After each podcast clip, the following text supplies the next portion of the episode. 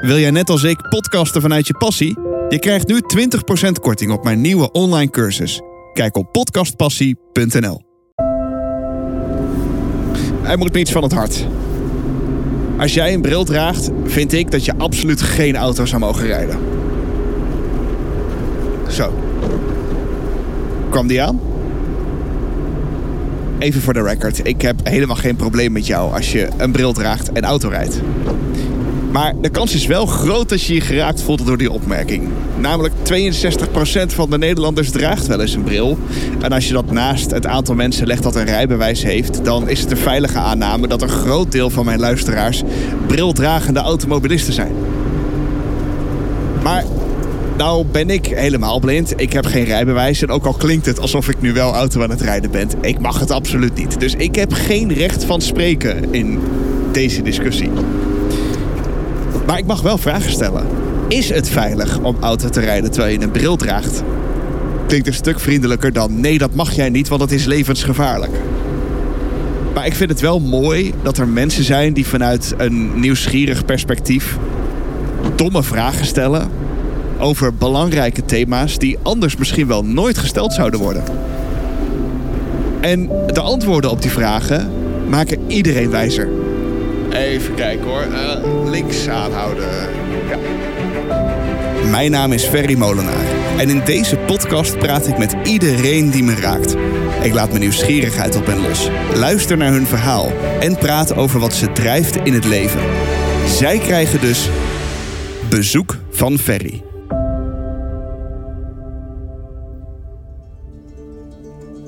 Ik werd net gebeld door Evita. En ze heeft deze aflevering voorbeluisterd. En ze zei: Het is zo'n oprecht gesprek. Ik vind het helemaal mooi. Maar ik focus me de laatste tijd meer op sociale veiligheid. Ze heeft vorige week haar diploma gehaald en mag zichzelf nu aanbieden als externe vertrouwenspersoon voor bedrijven. Om maar eens een voorbeeld te noemen. Um, we hebben het daar wel over, maar dit gesprek gaat meer over inclusieve marketing en communicatie. De manier waarop ik Evita heb leren kennen. Zij was, denk ik, mijn tweede of derde opdrachtgever en ik monteerde de podcast Inclusiekast voor haar. In die podcast praat zij met mensen van verschillende achtergronden over inclusiviteit en diversiteit. En door domme vragen te stellen hoopte ze andere mensen mee te nemen in die nieuwsgierigheid. En dat is op zijn minst bij één iemand gelukt, namelijk bij mij. Dus als je nog wat ruimte hebt in je podcast-app, dan kan ik je zeker aanraden daarop te abonneren.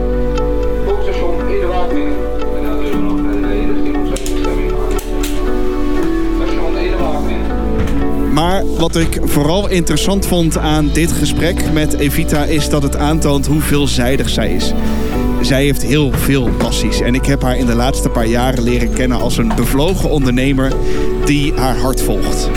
En ik hoop dat je dat in gedachten houdt bij het luisteren van het volgende gesprek. Wat meer een gesprek is tussen twee bevriende ondernemers dan een gesprek is over diversiteit en inclusiviteit. Als je dit gesprek nou leuk vindt, help me dan door een beoordeling achter te laten in je favoriete podcast-app. Vergeet niet te abonneren en ook het belletje aan te zetten. Dan krijg je meldingen bij nieuwe afleveringen. Nee hoor, dankjewel. Komt goed. En vind je het echt heel erg mooi, overweeg dan een fooi achter te laten op ferrybezoekt.nl. Dankjewel dat ik bij je bezoek mag komen. Ja, graag gedaan. Um, zou je jezelf eerst willen voorstellen? Tuurlijk, ja. Um, ik ben Evita Lamas. Ik ben nu 31 jaar, word zo meteen 32. Um, ik woon in Wageningen en wat ik doe, ik heb een bedrijf in inclusieve communicatie waarbij we organisaties helpen om inclusiever te communiceren. Uh, en daarna, daarnaast uh, geef ik af en toe praatjes over het uh, onderwerp grensoverschrijdend gedrag. Praatjes. En de, ja. dat vind ik echt ja. een hele mooie. Ja, en de, um, en de ruimte hier. we zitten in de keuken. en onze keuken is aangesloten aan de woonkamer. Uh, hier naast ons op de koelkast hangen een paar tekeningen van mijn neefjes en nichtjes. Uh, waaronder ons huis, wat een vierkant is, wat met allemaal roze strepen is ingekleurd. Uh, en naast ons hangt een, een schilderij van print eigenlijk van 1, 2, 3, 4, 5, 6, 7 kraanvogels die, waar wij altijd grap over maken dat langzamerhand het huis uit aan het lopen zijn, maar dat het niet lukt. Oké. Want ja. ze, het lijkt dat ze lopen of zo? Ja, ze, ze, lopen uh, en ze gaan richting, uh, richting het raam, zeg maar. Maar ja. ze, komen nooit, ze komen nooit verder. Ik vind het tikkeltjes sadistisch. ja, dan heb je mijn ware aard te pakken. ja, verdorie. hey, um, uh, inclusieve communicatie. Je, ik ga even een open deur intrappen. Dat moet ik doen van mezelf. Mm -hmm. Je klinkt niet niet Nederlands. Ja, dat klopt. Is, is er iets anders of wat drijft jou om dat te doen? Ja, goed. Punt. Ik haat mezelf een beetje dat ik de vraag op zo'n manier stel. Dat hoeft natuurlijk helemaal niet, maar heel veel mensen denken dat, dus ik stel hem dan maar zo, Ehm, denk ik. Nee, ik denk wel dat dat een heel goed punt is. Um, ik krijg die vraag wel vaker. En wat je niet kan zien nu is dat ik een, uh, een witte vrouw ben. En ik identificeer me ook als vrouw. Um, en ik ben theoretisch opgeleid, dus ik heb een enorme berg eigenlijk aan privilege. Uh, en hoe ik uh, hierin terecht ben gekomen is eigenlijk. Ik heb, ja, er zijn meerdere verhalen mogelijk, maar ik heb vroeger in Amsterdam Noord op de middelbare school gezeten. Dus ik ben ook in een hele diverse omgeving, zeg maar, opgegroeid. Um, en het viel me toen al op dat daar wel ongelijkheid in zat. En ik ben gewoon van mezelf altijd al heel ja, idealistisch geweest. Uh, en praktisch gezien, vanaf 2018 ben ik als freelance tekstschrijver begonnen. Um, en dat deed ik in en rondom de zorg. En dat ging dan voornamelijk ook over mensen met dementie, bijvoorbeeld. En ik vond het heel mooi om te leren dat hoe je woorden kiest, dat dat echt een verschil kan maken in of mensen zich gehoord en gezien voelen.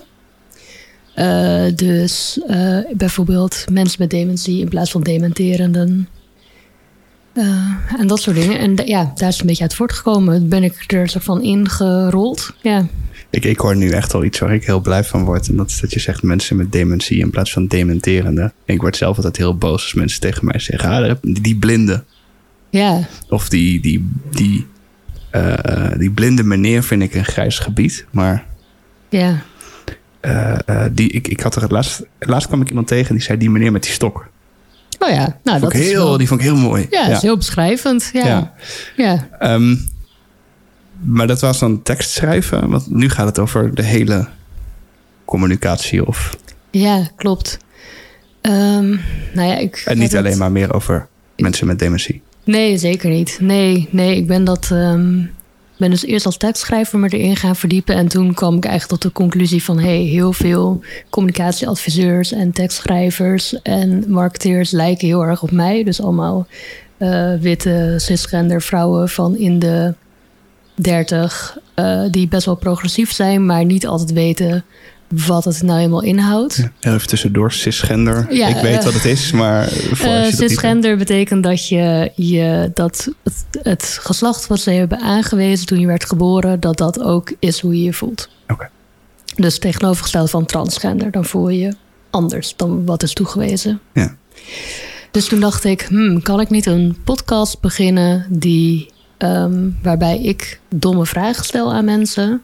Uh, en mensen mij, met mij mee kunnen leren over inclusieve communicatie. Want ik was in mijn, ja, voor de rest me ook aan het verdiepen in bijvoorbeeld antiracisme. En ik merkte dat het woord inclusie vaak uh, toch wel voornamelijk gebruikt werd als het ging over mensen met een beperking, bijvoorbeeld.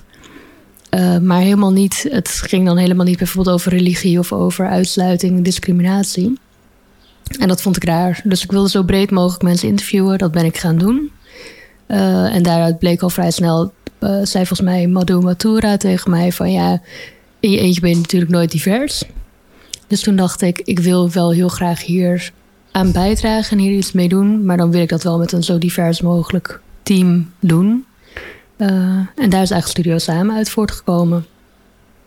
In je eentje ben je nooit divers. Nee, in je eentje ben je ja. nooit divers. Nee, per definitie niet. Nee. nee. Dat vind ik echt heel mooi. Ja, toch? Ja. Um, heel vaak krijg ik te horen als ik me ergens boos over maak of de positie van mijn eigen zijn wil verbeteren. Van uh, als je er geen last van hebt, laat het gaan, want het is zonde van je energie. Mhm, ja. Wat, je zei net dat je in Amsterdam-Noord op school hebt gezeten. Daarin heb je ongetwijfeld een hoop meegemaakt. Eh, gezien. Maar wat drijft jou om je hiervoor in te zetten? Heb je er zelf last van? Of wat, wat ja, waarom? Mm. Ja, dat vinden mensen altijd heel raar. Hè? Dat als je er zelf niet per se last van hebt, dat je. Uh, niet raar, maar wel interessant. Ja, nou ja, nou ja, het is natuurlijk wel zo. Ik ben wel uh, een vrouw en ik ben wel. Uh, ik ben vrij klein, ik zie er vrij jong uit. dus, en ik ben er nu sinds een paar maanden achter dat ik hoogbegaafd ben. Dus ik zei als kind altijd al dingen die mensen heel raar vonden. Dus ik, ik um, ja, was echt al vanaf heel jong dat ik echt bezig was met wat is de zin van het leven en zo. Maar dan hoor je dat dus uit een kind wat al heel klein is ja. en er nog jonger uitziet. En dat, ja, daar schrikken mensen soms van. En dat namen ze dan nooit serieus. Dan werd ik een beetje uitgelachen. Um, en ik denk dat daar een soort van, dat ik een soort van uh, gevoel wel heb van hoe belangrijk het is om gezien en gehoord te worden voor wie je echt bent. Um, en dat ik dat, dat ik dat eigenlijk iedereen gun. Dat iedereen zichzelf kan en mag ja. zijn. Ja, en dat je ook gezien wordt daarvoor. Dus dat het ook voorbij um, de oppervlakkigheden gaat. Ja. Dus dat is wat mij betreft het meest belangrijke. En het is. En ik merkte wel verschil dat als ik mijn huiswerk niet had gemaakt of als ik. Um, weet ik veel, dan werd ik anders behandeld als uh, bijvoorbeeld uh, Naïm en uh, Ilias en Massi, weet je wel? In welke zin? Wat, wat werd je dan strenger? Ja, dat, of juist nee, ja, minder streng. Ja, ja, ik was het stille, brave meisje. Dus met mij, weet je, dat als ik bijvoorbeeld ook in het openbaar vervoer, als ik geen kaartje heb gekocht om de een of andere reden of mijn OV-chipkaart heeft geweigerd. Ik kom er altijd mee weg. Altijd. Ik ben het minst bedreigende levensvorm die er bestaat. Ik ben een kleine witte vrouw. in de, in, vaak in iets van een jurkje of zo. Ja, weet je, mensen vinden mij gewoon totaal niet uh, ja, bedreigend. En dat is ook wel mijn kracht in het werk wat ik doe. Want ik kan moeilijke onderwerpen ter sprake brengen zonder dat mensen dat uh, eng vinden bij mij op de een of andere manier. Oké. Okay. Ja. Ik moet nu even het beeld van mijn netvlees afpoetsen van een wetsovertredend. Uh... heb, je er wel eens, heb je er wel eens misbruik van gemaakt? Weet, dit wetende van jezelf? Of is dat... Um, nee, dat probeer ik niet. Um, maar ik ben wel ook heel chaotisch van mezelf. Dus ja. het is wel eens voorgekomen dat ik ergens uh, inderdaad zonder portemonnee uitkwam en dacht: shit, ik moet wel van de ene plek naar de andere plek. En dat ik dacht, nou, op hoop van zegen, ik stap toch deze trein in. dus. Ja, en mensen dingen vragen als in, ik, ja, als ik ergens niet bij kan of ik weet iets niet of wat dan ook. Ja, ik, ik stap ja. op iedereen af en vraag het. Maar dat, is, maar. dat is hulpvragen natuurlijk. Ja, ja maar ik snap dat, dat je daar het ook in merkt, maar dat is natuurlijk iets anders. Ja, dan... dat mensen dat dan wel heel graag een soort van voor je doen of voor ja. je willen oplossen. Van, ah, wat schattig. ik kom het wel even voor je doen. Ja. Maar is dat dan. Gun jij dit dan iedereen? Of zou je. Zeg maar, is, is het doel dat je dit iedereen gunt? Of zou je het liever gelijker zien? Jij iets minder en de ander iets meer? Of hoe heb je daar een bepaald ideaal van in je hoofd of zo? Of? Mm, ja, ik denk dat we allemaal al gelijkwaardig zijn. Dus we zijn allemaal evenveel waard. Um, en we zijn wel allemaal verschillend. Um, Gelukkig. En de specifieke privileges die ik dan heb. Ja, ik zou het liefst hebben inderdaad dat andere mensen dat, meer mensen dat hebben en meer mensen dat ervaren. Ja. Um, en als dat betekent dat ik privilege moet inleveren, dan is dat voor mij oké. Okay. Maar er is, er is, het is geen nulsomspel, weet je wel. Nee. Want ik heb me ook wel lang afgevraagd: moet ik dan wel deze ruimte innemen over dit topic? Weet je wel, er zijn genoeg witte vrouwen die diversiteit en inclusie doen en daar ook geld mee verdienen. Um, ja, en dat is best wel. Ik vraag me regelmatig af: ben ik deel van het probleem of ben ik deel van de oplossing? Um, en daarom vind ik het zo belangrijk om juist met een divers team te werken en mensen gewoon goed te belonen. Ja. Um, vind ik wel mooi. Ik bedoel, ergens last van hebben of deel van zijn is. Het zijn geen synoniemen, maar het komt ongeveer op hetzelfde neer. Je kan natuurlijk deel zijn van een oplossing. In plaats van een last hebben van een probleem. Ja, ik denk dat, het al, dat je meestal allebei bent. Want je kunt. Het is vrij moeilijk om helemaal geen privilege te hebben. Het is ook vrij moeilijk om 100% dat te hebben. Tenzij je inderdaad een, een wat Joris Luijendijk uh, zeevinkje bent, zeg maar. Maar zelfs dan, als je een zeevinkje bent en je verhuist naar Londen... dan merk je dus dat je uh, daar weer vinkjes tekort komt. Ja. Dus het is allemaal, ja, noem je dat, subjectief. Ja. Geeft jouw werk je voldoening? Ja, ja. Kan je een voorbeeld geven van het moment dat je denkt... oh, dit was fijn, dit was goed. Dit, ik, heb iets, um, ik heb iets gedaan.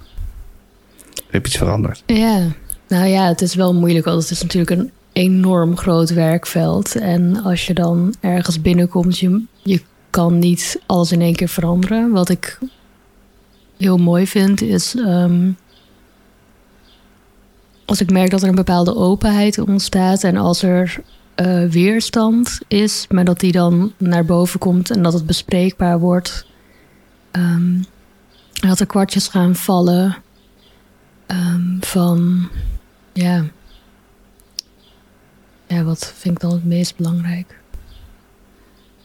Het mooiste is als je de, ja, dit klinkt misschien vaag, maar het mooiste vind ik als je de energie van een groep voelt veranderen. Dus als je voelt van oké, er is nu een kwartje uh, gevallen en er is nu meer openheid dan dat er eerst was. Uh, en dat ik vertrouwen heb dat, dat men ook met elkaar gaat blijven praten over dit topic. Want je kan natuurlijk niet als je één workshop geeft of een onderzoek doet of consultancy doet, dingen die wij doen, dan. Um, ja, je kan niet iemands hele mindset die je hebt aangeleerd in je hele leven in één keer veranderen. Maar je kunt wel allemaal handvaten geven en eye-openers, waardoor het kwartje landt. En als ze dan met elkaar in gesprek gaan en elkaar accountable gaan houden, kijk, dan heb je echt iets uh, bereikt. Ja. ja. En wat wil je nog bereiken? Wat, wat, wat wanneer? Laat, laat ik beginnen met een andere vraag. Zie, zie, jij, zie, jij dit, zie jij dit als een missie of zie jij dit als je werk? Beide. Ja, nee, maar sowieso missie eigenlijk. Okay. Ik bedoel, het is per ongeluk mijn werk geworden.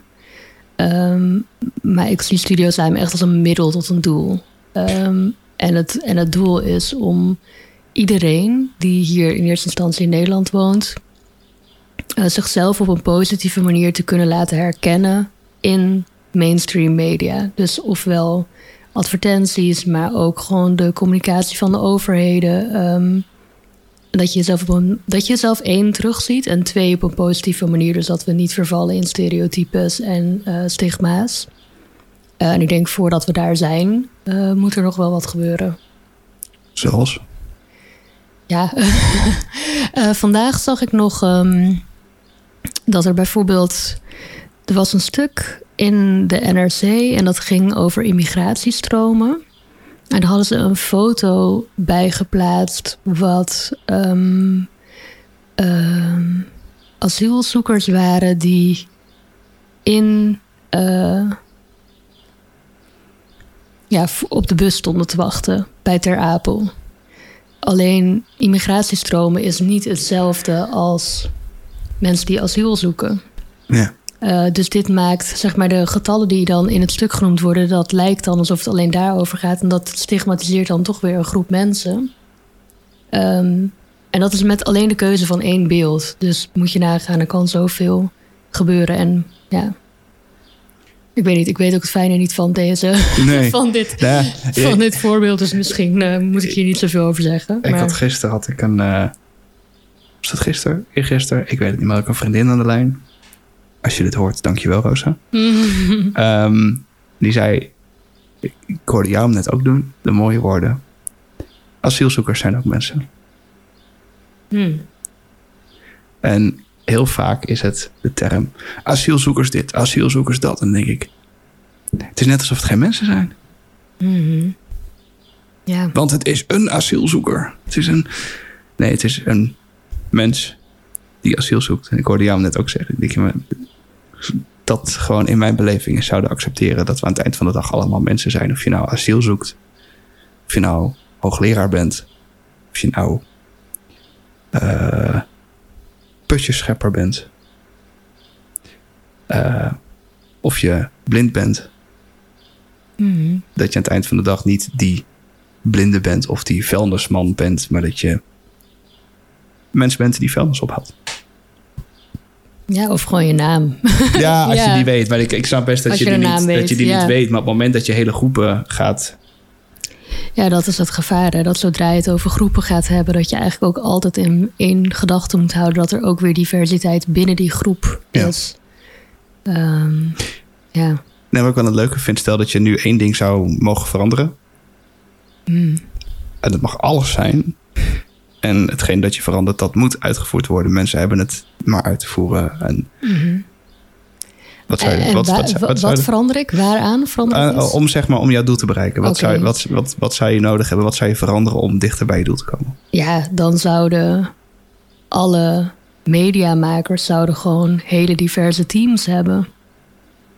Want dan heb je de perspectieven binnenboord. Dan worden de mensen beloond die beloond zouden moeten worden. In plaats van met een VVV-bon als ervaringsdeskundige. Of gratis. Ja, ja, ik zie dat het iets in je losmaakt. De VVV-bon, ja, de, al, de alomtegenwoordige eh VVV-bon. Ja. Ja, maar dat zou eigenlijk, dat zou, dat zou, dat is eigenlijk wat er moet gebeuren. En we- nu zijn we soort van met zijwieltjes bezig, dat mensen ons kunnen inhuren om dan die perspectieven te krijgen. En ik snap dat je niet meteen de helft van je personeel ontslaat en, eh, en andere mensen aanneemt, maar dat is wel het probleem. En je hebt natuurlijk nooit met een team de diversiteit van de hele Nederlandse maatschappij. Dat is onmogelijk, maar je kunt wel een stuk meer in de buurt komen. En dan denk ik dat er al veel betere campagnes gemaakt zullen worden. Dat er veel betere producten, veel betere diensten komen. Die veel inclusiever zijn. Gewoon omdat je een divers team hebt en die Ja. perspectieven er al zijn. Ja. Wat mij dan, het is gewoon even een vraag die bij me opkomt nu over wat ik dan kan doen. Ik word altijd een beetje moe van die vraag, want dan denk ik, oh, iemand die, weet je, het moet vanuit jezelf komen, maar je, je hebt het over mediamakers. Ik reken mezelf onder de mediamakers, maar ik ben helemaal lonely de in mijn bedrijf.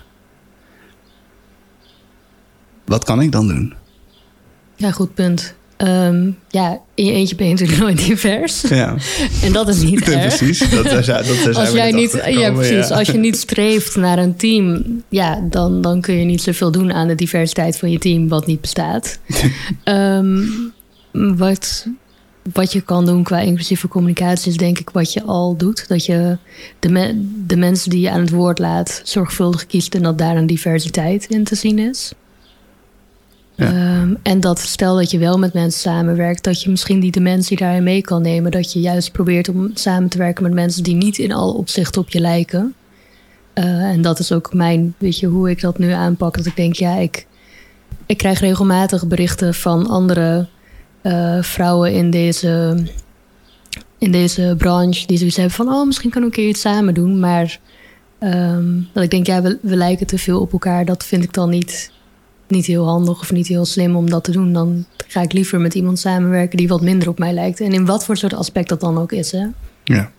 Ja, Dat in elk geval vanuit een ander perspectief ja, naar de wereld kijkt. ja. ja. Interessant.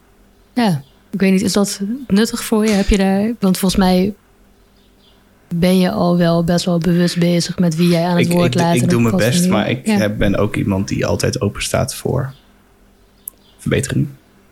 Hm. Eh, en ik geloof dat er niets beter is dan je best doen. En verbetering valt bij mij onder je best doen. Hm, Ja, zeker. Ja, en het feit dat je open staat is al zo enorm. Hè? Als in, dat is meestal het moeilijkste om bij jezelf te erkennen van oké, misschien heb ik in tot op een bepaalde hoogte bijgedragen aan het probleem. En hoe kan ik dan proberen om dat niet te doen? Ja. Eh, of als iemand je feedback geeft, dat je eerste reactie kan zijn: ja, dat was niet mijn bedoeling. Ehm, en dat kan zo zijn, maar als het bij iemand op een bepaalde manier binnenkomt, dan is het toch handig om daar eerst open naar te luisteren en te kijken wat kan ik doen. Ja. Nou, wat ik wel Ja. grappig vind, ik ben erachter gekomen dat ik feedback soms heel moeilijk vind. Ah, ja. Ehm, en niet omdat ik ehm, het niet wil verwerken, maar ik zie feedback heel snel als kritiek. Mhm. En ik heb geleerd dat uit te spreken. Dat ik zeg, oké, als je mij feedback gaat geven, kondig het even aan. Ik ga je feedback geven. Mm. Ehm, En ik heb mezelf aangeleerd er nooit direct op te reageren, maar het altijd even te processen. Maar dan werkt het voor mij wel, ja. Zo grappig. Wou ik even kwijt. Ja, want, ja, ik herken het wel hoor. Ja. Ik had als tekstschrijver in het begin ook wel dat ik het persoonlijk nam. Dat ik dacht van ja, maar ik ben hier de tekstschrijver. Ik weet, ik heb dat je bang bent dat mensen twijfelen aan je kunnen misschien. Of aan de keuze die je hebt gemaakt. Ja, nee, dat niet. Het voelt mij meer als een verschil van inzicht of zo. Ja, En dan ben ik soms zo trots op wat ik neergezet heb... dat ik dan even niet snap dat er een ander inzicht is. En dan moet ik dat Oh, heel zo. even de tijd geven. En dan denk ik... Oh, wacht, zo. Dus ik, ja, ik vind dat, ik, dat is iets wat ik moeilijk vind. En daarna, kon, daarna vind ik het fantastisch. Dus ja. ik, ik hou op dat punt wel weer van feedback. Ik vind het fantastisch als mensen feedback geven. En wordt het voor je gevoel dan wel beter uiteindelijk? Zeker. Ja. Niet altijd. Maar soms, dan bedenk ik me ook van, weet je, ik ben hier niet degene die. Ik vind het veel fijner als mijn klant, degene voor wie ik het doe, daar blij mee is en daar tevreden over is. En ja, aan het eind van de dag is dat waarvoor ik het doe. Ja, mensen luisteren natuurlijk ook op een andere manier. Ik kan me voorstellen dat jij Ja. veel erg dat jij veel meer in de storytelling, in het verhaal zit, in het ritme van de podcast, Ja. in hoe het klinkt. En dat iemand anders op de details aan het letten is van oh, ik zeg wel heel vaak eh. Dat merkte ik bij mezelf namelijk. De vorige keer dat we iets hadden opgenomen. En dat ik dan eigenlijk de neiging heb om te zeggen, oh kun je al eus eruit knippen. Maar iemand heeft het ooit bij mij gedaan en dat heb ik toen gedaan. En dat was echt naar. Ja, ja dat is net alsof Dat je is- niet meer mag nadenken. dat is echt niet leuk. Nee, dus dat. ehm, Ehm, dus, Ja, het, ook heeft wel te ma- het, heeft wel, nee, maar het heeft wel te maken ook met respect voor iemands vak, Ja. toch? Ik vind het wel een verschil of je feedback geeft op gedrag ehm, of op inhoud. Ja. Of inderdaad dat je iemands vak gaat proberen over te nemen. Hoe kwamen we hierbij? Over feedback? Eh, we gingen het over feedback over, ja, over dat je er lerend in staat. Oh, ja. als, wat Ja. kun jij doen om nog inclusiever te zijn? Oké, Ja. ja. Even een minuutje hoor. Want ik hou van goede gesprekken en ik vertel en luister graag naar goede verhalen. Dat is ooit het vertrekpunt geweest van deze podcast. Mijn passie voor het praten met mensen. Lijkt je dat nou ook wat? Podcasten vanuit jouw passie? Dan heb ik nieuws voor je, want ik ben een online cursus aan het bouwen die dit precies als vertrekpunt gebruikt. En als je je daar nu voor aanmeldt, krijg je 20% korting. Want door te podcasten vanuit je passie ben je geloofwaardig, betrokken en kom je enthousiast over. En dat zijn hele stevige wortels voor een groeiende podcastmaker. Heb je interesse? Meld je dan aan op podcastpassie.nl en pak je 20% korting voor vroege vogels. En begin zodra de cursus online komt in januari. Nogmaals, podcastpassie.nl.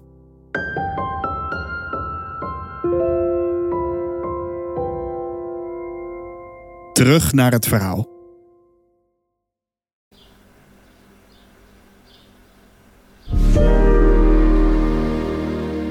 Wa- waarom kom jij je bed uit om te doen wat je doet?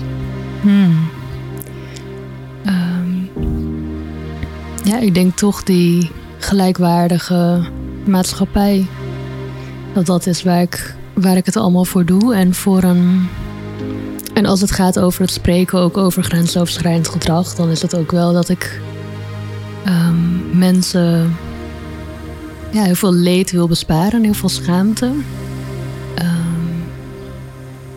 Ja, en dat ik, ik, zie, ik zie gewoon dat het veel makkelijker en beter kan. En ik zie niet in waarom we dat niet al doen. En voor mij voelt het alsof ik daar al ben. Zeg maar, ik leef al soort van in die toekomst waar wij met elkaar gewoon op een manier omgaan waar mensen veel beter op gaan. Maar dat, dat het alleen nog eventjes gefixt moet worden. Weet je wel? Ja. Zo, zo voelt het voor mij. Dus dat, ja, dat drijft mij. Eh, Mag ik dat Ja. samenvatten als het, dat je het gevoel hebt dat we er bijna zijn? Ja, dat hangt heel erg van het moment af wanneer je het me vraagt. Nu? Dat, ehm, op dit moment. Ja en nee, ik zie wel verbetering. Ehm, maar je ziet ook wel dat het nog moeilijk is om mensen duurzaam erin te laten investeren. Dus tijd, geld, daadkracht. Ehm, en dat toch de mensen die nu de meeste macht hebben, zijn de mensen die het minst makkelijk te overtuigen zijn van het belang van diversiteit en inclusie, omdat zij zelf het meeste privilege hebben. En dan is het het moeilijkste om, om het te zien. Ja. Dus, dus ja en nee. Ik denk dat we zeker vooruit gaan. Ik denk dat het feit dat de koning excuses heeft aangeboden voor het slavernijverleden, ik denk dat dat een hele belangrijke en mooie stap is. En dat alle overheden nu in ieder geval iets zullen moeten doen aan antiracisme. Uh, wat ook wel nodig is. Maar ja het, ja, het gaat langzaam en het gaat snel tegelijkertijd. Denk je dat het, zeg maar, ik denk het antwoord dat te horen, maar denk je dat het verschil maakt als er vanaf bovenaf verandering in een samenleving wordt doorgevoerd ten opzichte van, van onderaf, zeg maar, vanaf burgerniveau noem ik het maar even? Mm, of ga ik dan te veel uit van een gelaagde samenleving? Nee, ik denk wel dat dat realistisch is. Um, het is allebei heel krachtig. Hè? Als je kijkt naar Black Lives Matter, was natuurlijk heel erg from the ground up uh, een mhm. beweging. Net als bijvoorbeeld ook Me Too. En uh, dat brengt daadwerkelijk heel veel verandering. Dus ik denk dat je niet moet uitsluiten hoeveel verandering burgers kunnen brengen. Mm, en medewerkers ook in organisaties. Je ziet vaak dat er eerst een soort van werkgroep diversiteit en inclusie ontstaat vanuit gewoon mensen die gepassioneerd zijn. Mm -hmm. die krijgen vaak tot op een bepaalde hoogte redelijk wat gedaan. En dan op een gegeven moment is het nodig dat de top van het bedrijf het inziet. En je ziet dat het daar vaak net ietsje sneller gebeurt. Dat zijn vaak mensen die toch vooruitkijken en die dat belangrijk vinden. Die zien dan een maatschappelijke trend waar dat naartoe gaat en dat ze gewoon personeel nodig hebben. En dan denken ze: oké, diversiteit en inclusie is belangrijk, moeten we wat mee. Mhm. En het middelmanagement, dat is het moeilijkste. Want die zitten gewoon overvol met de taken die ze van dag tot dag moeten doen. Die sturen mensen aan. Die vallen vaak onder de groep die, uh, nou, die niet tot de, die, ja, de, de zeven vinkjes, zeg maar. Mm ja, dus dat is het moeilijkste. Dat gedeelte. Is, maar dat, dan ook, dat, is dat dan ook jouw doelgroep? Middelmanagement? Um, nou, we doen inclusieve communicatie. Dus het zijn voornamelijk veel marketeers, communicatiemedewerkers. Um, maar je ziet wel dat we eigenlijk op het laag van het MT binnen moeten komen. Wil je echt iets goed doen en geborgd kunnen doen. Want anders dan um, blijf je één workshop hier, één workshopje daar doen. Of een keer een onderzoekje hier. Uh, en een onderzoekje daar. Maar ja, je moet eigenlijk gewoon echt wel. Je wil impact hebben. Ja, ja, tuurlijk. Hoe krijg je impact? Hoe zorg je ervoor dat jij anderen inspireert om um, het roer bij te, bij te draaien en wel ruimte te maken voor inclusieve communicatie? Want het is een, in mijn beleving is het een denkwijze. Mm -hmm. En is het een kwestie van je gedachtenpatroon en je referentiekader bijstellen? En als je het eenmaal gedaan hebt en erover na gaat denken, dat de rest dan een soort van wel komt, omdat het deel gaat uitmaken van je organisch denkpatroon. Of ben ik dan te optimistisch? Nee, ik denk wel dat dat, ik denk dat dat een onderdeel is. Dus je moet bewuste keuzes kunnen maken op het gebied van inclusieve communicatie. Dus oké, welk beeld kies je, welke woorden kies je, welke kanalen kies je, wat is überhaupt je doel? Uh, mag je daarin segmenteren en hoe segmenteer je dan je doelgroep? Doe je dat op basis van aannames, ja of nee? Dus daar zit heel veel al in. Ja. Dus er is een stukje, zeg maar, dat we mensen vaardigheden kunnen aanleren en die mindset kunnen aanleren, zodat zij bewuste keuzes kunnen maken. Maar je moet als organisatie ook weten waar sta ik nu. Dus wat vinden mensen? Je moet perspectieven van buiten naar jou toe trekken. Of van jouw doelgroep of je gewenste doelgroep. En dan, niet, uh, en dan weten dat dit ook een diverse groep is. Uh, en als je kijkt naar gewoon markt, marktonderzoek, dan zie je dat dat toch vaak een beetje een homogene groep is. Ja. Um, en dan krijg je dus eigenlijk ook weer een ja, aannames in je data, waardoor je denkt dat je het heel goed doet. terwijl de groepen die je niet hoort, hoor je niet. Dus dat weet je niet. Dus, dus je moet, ja, het is toch uiteindelijk gewoon praat met ons, niet over ons. Ja. Dus als jij iets wil doen met een diverse doelgroep, je kunt er niet onderuit dat je met mensen moet gaan praten en inzichten moet gaan ophalen. Maar hoe overtuig jij die mensen die zeg maar van aanname naar feit moeten? Van aanname naar praten met? Ja, ik doe niet zo heel erg aan overtuigen eigenlijk. En dat is misschien um, flauw, maar ik geloof niet dat ik mensen kan overtuigen. Ik geloof dat ik um, ruimte kan maken voor waar jij in het proces staat en je één, één um, tandje op kan schuiven in dat proces. Dus als waar jij staat gewoon complete weerstand is Mhm. en ik vind het allemaal onzin en ik mag ook niks meer zeggen, ehm, dan laat ik je gewoon eerst even uitrazen. Eh, en dan vraag ik gewoon maar, wat is dat dan? Wat is dat gevoel dan? En vaak komt er dan een verhaal over, ja, want ik was praktisch opgeleid en ik voel me ook niet gezien. Dan denk ik, ja, maar dat, daar hebben we het ook over. Dus het is niet, het is niet wij tegen jullie of zo. En ja, ik merk dat dat, ja, dat, dat werkt. Dus ik ben, niet, ik ben niet zo heel erg van het overtuigen meer. Ik heb het ook geprobeerd hoor, maar dan krijg je zoveel weerstand. Maar hoe zou je het dan willen noemen? Als je het een naam zou moeten geven.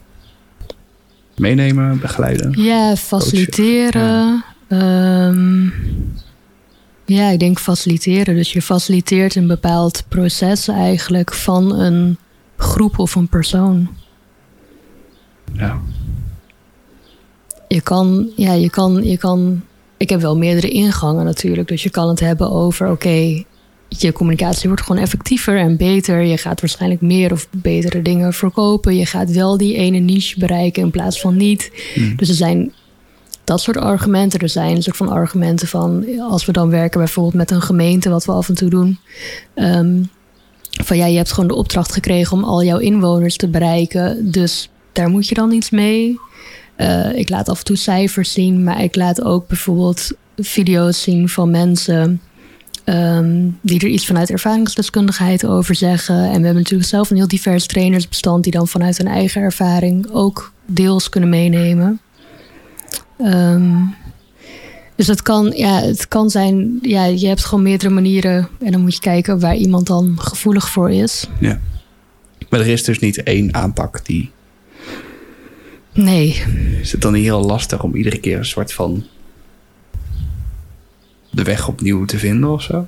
Ja, ik denk dat daar dus juist soort van mijn hoogbegaafdheid en hooggevoeligheid daar dus juist heel goed op gaan. Dat je heel snel moet schakelen en dat je heel goed moet aanvoelen. En ik, ik, ik kom zo ruimte in en dan zie en voel ik al meteen wie er zit omdat het verplicht is en wie er echt zin in heeft. Ja. Ehm, en misschien kan iedereen dat wel zien hoor, maar ik word daar ehm, juist wel heel gelukkig van. van. Ja. En ook juist moeilijke gesprekken voeren. Mm, ik ben wel altijd echt helemaal leeg als ik een eh, sessie heb gehad. Ja. Ehm, maar ik kan denk ik nu ook, omdat ik het zoveel heb geoefend, ik heb het zo vaak over moeilijke onderwerpen. Want ik kom ergens binnen en ik ga het hebben over grensoverschrijdend gedrag en over consent. En eh, dus hoe weet je dat iemand seks met jou wil, ja, Ja. of nee? En over discriminatie en over pesten en over ja, van alles en nog wat. En ik kom ook soms best wel binnen met materialen van: hé, hey, luister, ik heb dit gezien op jullie website, dat is niet zo toegankelijk. Ehm, eh, of dat is niet inclusief, of dat is wat dan ook. En dan, dan spiegel ik ze terug. Dus ik spiegel gewoon heel veel. Ehm, ja, dus ik ben eraan gewend geraakt dat als ik aan het werk ben, dan, dan ervaar ik gewoon weerstand. En ik weet dat dat niks zegt over mij als persoon. En dat, dat ik probeer naast de stof te staan. En daar heb ik natuurlijk ook wel een privilege in. Dat, dat, ja, dat het stukje neurodiversiteit gaat ook wel over mij. En ehm, eh, het LHBTI plus gedeelte gaat ook deels over mij. Dus dan, maar ik voel me niet, ik voel me niet heel snel eh, aangevallen persoonlijk. Nou, nou had je het net even over Studio Samen. De- dat is jouw bedrijfsnaam. Mag ik dat zo zeggen? Mhm. Ja. Waar komt die vandaan? Want het is... eh, het, is het is samen, maar het, ja, het is, ik, ik kan hem ongeveer op twintig manieren invullen. Dat vind ik heel grappig. Maar oh. ik ben wel benieuwd hoe jullie daar dan... Ja. Ja, ik heb hier eigenlijk niet een heel goed verhaal over. Ja, het woord samen moest erin. Ik wilde dat het allitereerde. Ja, studio samen. Het spijt me. Het is gewoon niet een heel goed verhaal. Ik denk dat jouw verhaal beter is eigenlijk. Hoe kun je het op twintig manieren invullen? Nee, ik had er eentje die, die, eh, die, die, die, eh, dat ik zoiets had, ja, studio, je doet dingen met media, dus het is, eh, weet je, het, Hmm. het, het geeft, het gaat over media, communicatie, studio. En samen is dat je het, ik vond vooral heel mooi dat, dat er het woord inclusie er niet in voorkwam. Hmm. Of, of de hele D&I-kant er niet in voorkwam. Dat, het, is, het is, het voelt heel laagdrempelig. Ja. Ja, want het kan nog steeds... Het, inclusie kan soms klinken als... Oh ja, jij mag er ook bij of zo, weet je wel? Van, oh ja, wij zorgen jij mag wel dan, dat jij mee mag doen. Ja. Ja. wij zorgen wel dat jij mee mag doen. Of, oh, jij hoort er ook bij. Maar dat zeg ik dan tegen jou. Of ja, eh, wat was het? Eh, Je hoort heel vaak toch de quote van eh, diversiteit is eh, het feestje, geloof ik. Of, en, en inclusie is dat je ten dans gevraagd wordt. Mhm. Ja, eigenlijk heb je dan nog steeds een machtspositie. En dat is wel ook tricky nu, want Studio Samen is op dit moment mijn bedrijf. Ik ben wel bezig om een compagnon of misschien meerdere compagnons te zoeken. ja. Dus ik vind ook dat de eigenaarschap van zo'n bedrijf in diversiteit en inclusie moet ook liggen bij verschillende mensen. Want in je eentje ben je nooit divers. En ik ben ermee bezig, maar dat is wel een, een zorgvuldige zoektocht. Want je gaat toch praktisch met elkaar trouwen. Ja. Dus dat duurt even. Maar ja, de intentie van Studio Samen is altijd geweest om inderdaad het samen te doen. Ja. En dat is, ja, ik weet niet, dat is denk ik die gelijkwaardigheid die ik gewoon heel diep voel altijd. Dat ik denk, ja, ik ben niet beter of slechter dan iemand anders. En ja, ik wil dit ook niet alleen doen. Je kunt het niet alleen doen. Nee. Want alleen ben je niet divers. Nee, ja, dat los daarvan. Maar gewoon ook. ehm, ik ben goed in bepaalde dingen, maar ik ben ook zeker niet goed in bepaalde andere dingen. Zoals bijvoorbeeld het verschil tussen links en rechts, zoals we vandaag hebben gemerkt. Ehm, maar ja, je moet mij niet de meest praktische dingen laten doen. Terwijl er zijn andere mensen die juist iets hebben van, nou, dat hele strategie gebeuren, daar heb ik Ja. helemaal niks mee. Ik wil juist graag dat iemand anders dat doet. Dat, ehm, ja, ik denk dat je, dat je dan veel verder komt als je, als iedereen kan doen waar ze goed in zijn. Eh, wil ik jou bedanken dat ik te gast mocht zijn in jouw huis. Ja, graag gedaan. Je bent welkom. Zoals aan het begin van deze aflevering al aangegeven, is er sinds de opname het een en ander veranderd. Ze is dus beschikbaar als extern vertrouwenspersoon voor bedrijven, schrijft haar eigen boek over grensoverschrijdend gedrag en haar podcast Inclusiekast is ook absoluut het luisteren waard. Het beste wat je kan doen is haar gewoon volgen via social media. Links naar haar website en haar social media en haar podcast Inclusiekast kan je vinden in de blog bij deze aflevering. Die kan je vinden op ferrybezoekt.nl slash evita.